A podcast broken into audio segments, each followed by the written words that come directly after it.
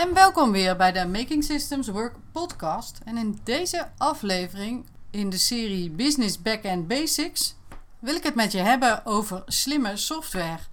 En dan met name dat je zelf enige kennis moet opdoen van slimme software om te zorgen dat je de beste keuzes maakt binnen jouw business.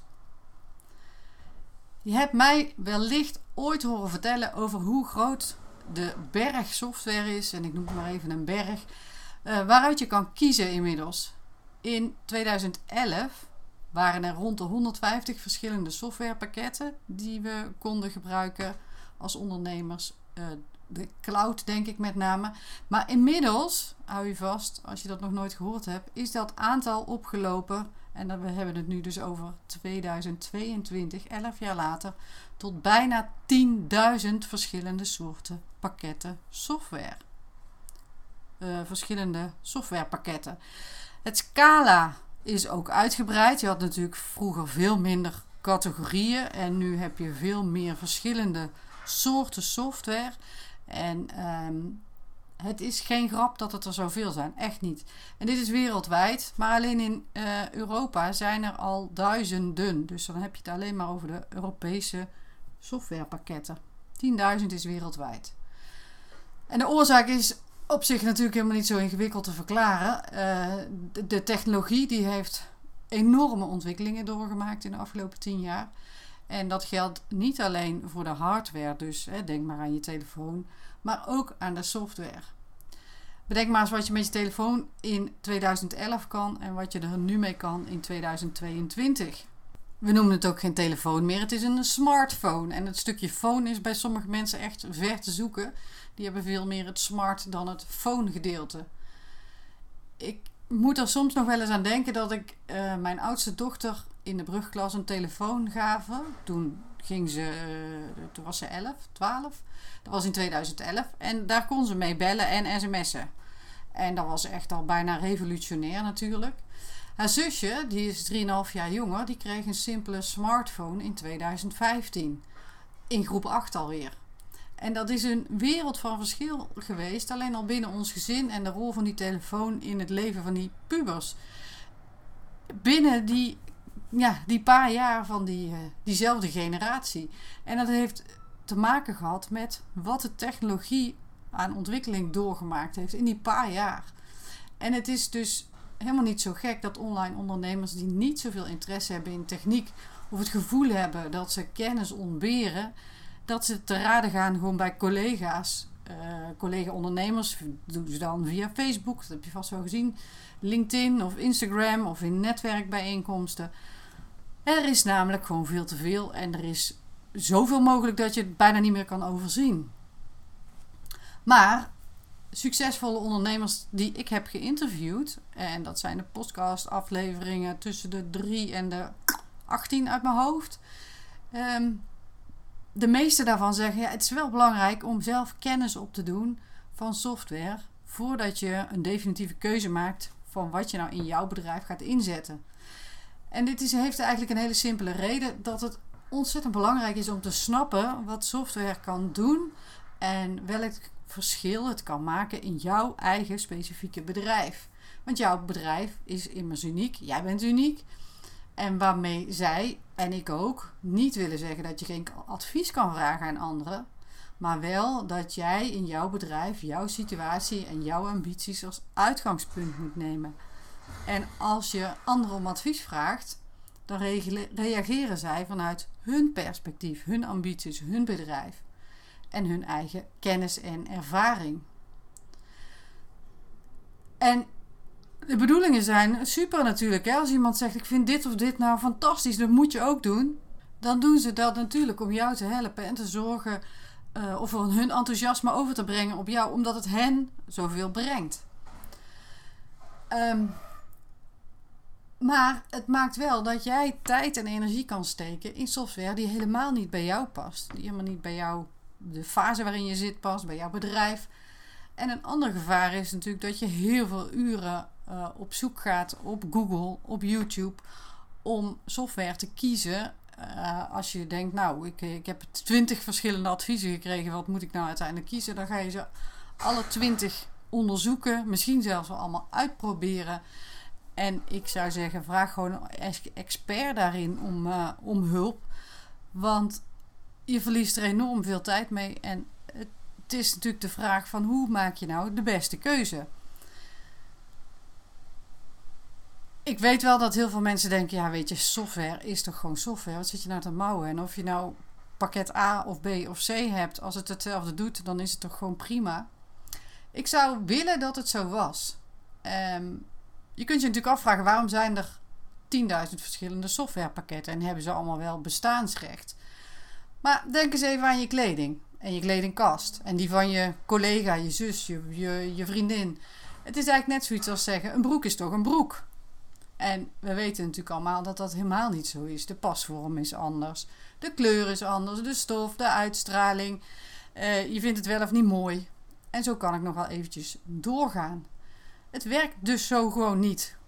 Software is dus niet gewoon zomaar software. Een klein voorbeeldje ken je vast. Ik denk dat iedereen dat in zijn omgeving wel meegemaakt heeft. Ik gebruik altijd een Apple. En uh, mijn zoon en mijn man die zijn absoluut fan van Microsoft en Android producten. Die zullen ook nooit, eh, als ze achter mijn laptop zitten, zitten ze ook alleen maar te mopperen. Um, de meeste mensen die fan zijn van Apple gaan niet vrijwillig terug of naar Microsoft. En andersom. Is dat nou helemaal rationeel? Nou ja, daar kun je van alles van, uh, hè, van vinden. Maar je kan natuurlijk hetzelfde doen en bereiken met die software. Want het is echt niet zo dat, dat zij, uh, de, niet-Apple-gebruikers, nou uh, minder kunnen met hun software of met hun hardware dan dat ik kan met Apple. Mijn punt is dus: software, ook al doet het vergelijkbare zaken, is niet hetzelfde. En er zitten allerlei aspecten in waarom het voor de een in de ene situatie beter past dan bij de andere. Uh, nee, waarom het ene product gewoon beter past bij ondernemer A en het andere product beter past bij ondernemer B. Er is geen goed of fout. Het is gewoon een feit dat het zo werkt. En dan moet me nog iets van het hart. En dat is iets wat ik ongelooflijk vaak hoor en tegenkom en zie om me heen als het om software gaat kan het ook gratis. En nou snap ik dat je wilt besparen op de, op de kosten. Je hoeft ook geen geld uit te geven eh, of je hoeft geen geld te investeren als het niet nodig is. Maar bedenk dan dat software, net als een laptop, een boek of het inhuren van een expert, gewoon een investering is voor jouw bedrijf om te zorgen dat er bepaalde zaken gemakkelijker, beter, um, sneller geregeld worden. Beoordeel het dan ook op die manier. En als je bij gratis software toch wil blijven of wil kijken, dan hou twee dingen in, in je achterhoofd. Het eerste is dat er open source software is. En die wordt ontwikkeld, onderhouden, beheerd door een stel enthousiastelingen over het algemeen. Zij willen het graag onderhouden. Uh, het zou kunnen zijn dat ze, op de, uh, dat ze op enig moment andere interesses krijgen of het niet meer voor elkaar kunnen krijgen, dan houdt het gewoon op te bestaan in die zin dat het niet meer doorontwikkeld wordt. Maar zoiets als WordPress heeft natuurlijk een heel bedrijf eromheen kunnen bouwen, terwijl WordPress in de basis nog steeds gratis is. Dus het kan wel. En nogmaals, ik zeg ook niet dat je het absoluut niet moet doen, maar neem het niet als uitgangspunt. Je hebt ook software die uh, jou gratis toegang geeft als een soort van marketinginstrument. Dus in feite willen ze jou laten kennismaken met de software. En meestal heb je dan niet de full-blown package, zeg maar. Je hebt beperktere mogelijkheden. En wil je meer functies of alle functies, dan moet je een abonnement nemen en uh, maandelijks of jaarlijks gaan betalen. Hier schuilt in die zin een gevaar in. Ik ken ondernemers die liever met twee of drie verschillende softwarepakketten klooien, noem ik het dan altijd maar. Dan een abonnement nemen voor een paar tientjes per maand voor één pakket. Ehm, want dan knopen ze dat dan allemaal wel weer aan elkaar. Maar stel je nou voor dat jouw klanten ook alleen je gratis content afnemen. En uh, zodra ze een investering moeten doen, denken: Nou, ik denk dat ik het dan maar niet doe. Of dan ga ik dat stukje wel bij iemand anders halen. Dan is het bestaansrecht voor jouw onderneming op een gegeven moment ook gewoon op, zeg maar. Hè? En je kan ze niet op de beste manier helpen. Dus software is meer dan alleen maar een, ehm, ja, een stukje code. Daar zit een heel, een heel bedrijf achter. En niet dat jij verantwoordelijk bent voor dat bedrijf. Maar er zit ook een filosofie achter. Dat zij jou op de beste manier willen helpen. En daar hebben ze functionaliteit voor gemaakt. En die mogelijkheden die zitten voor een gedeelte achter uh, een, een betaald abonnement. Omdat ze het anders ook niet in de lucht kunnen houden. Die, op, die programmeurs moeten ook betaald worden. De marketing moet ook betaald worden.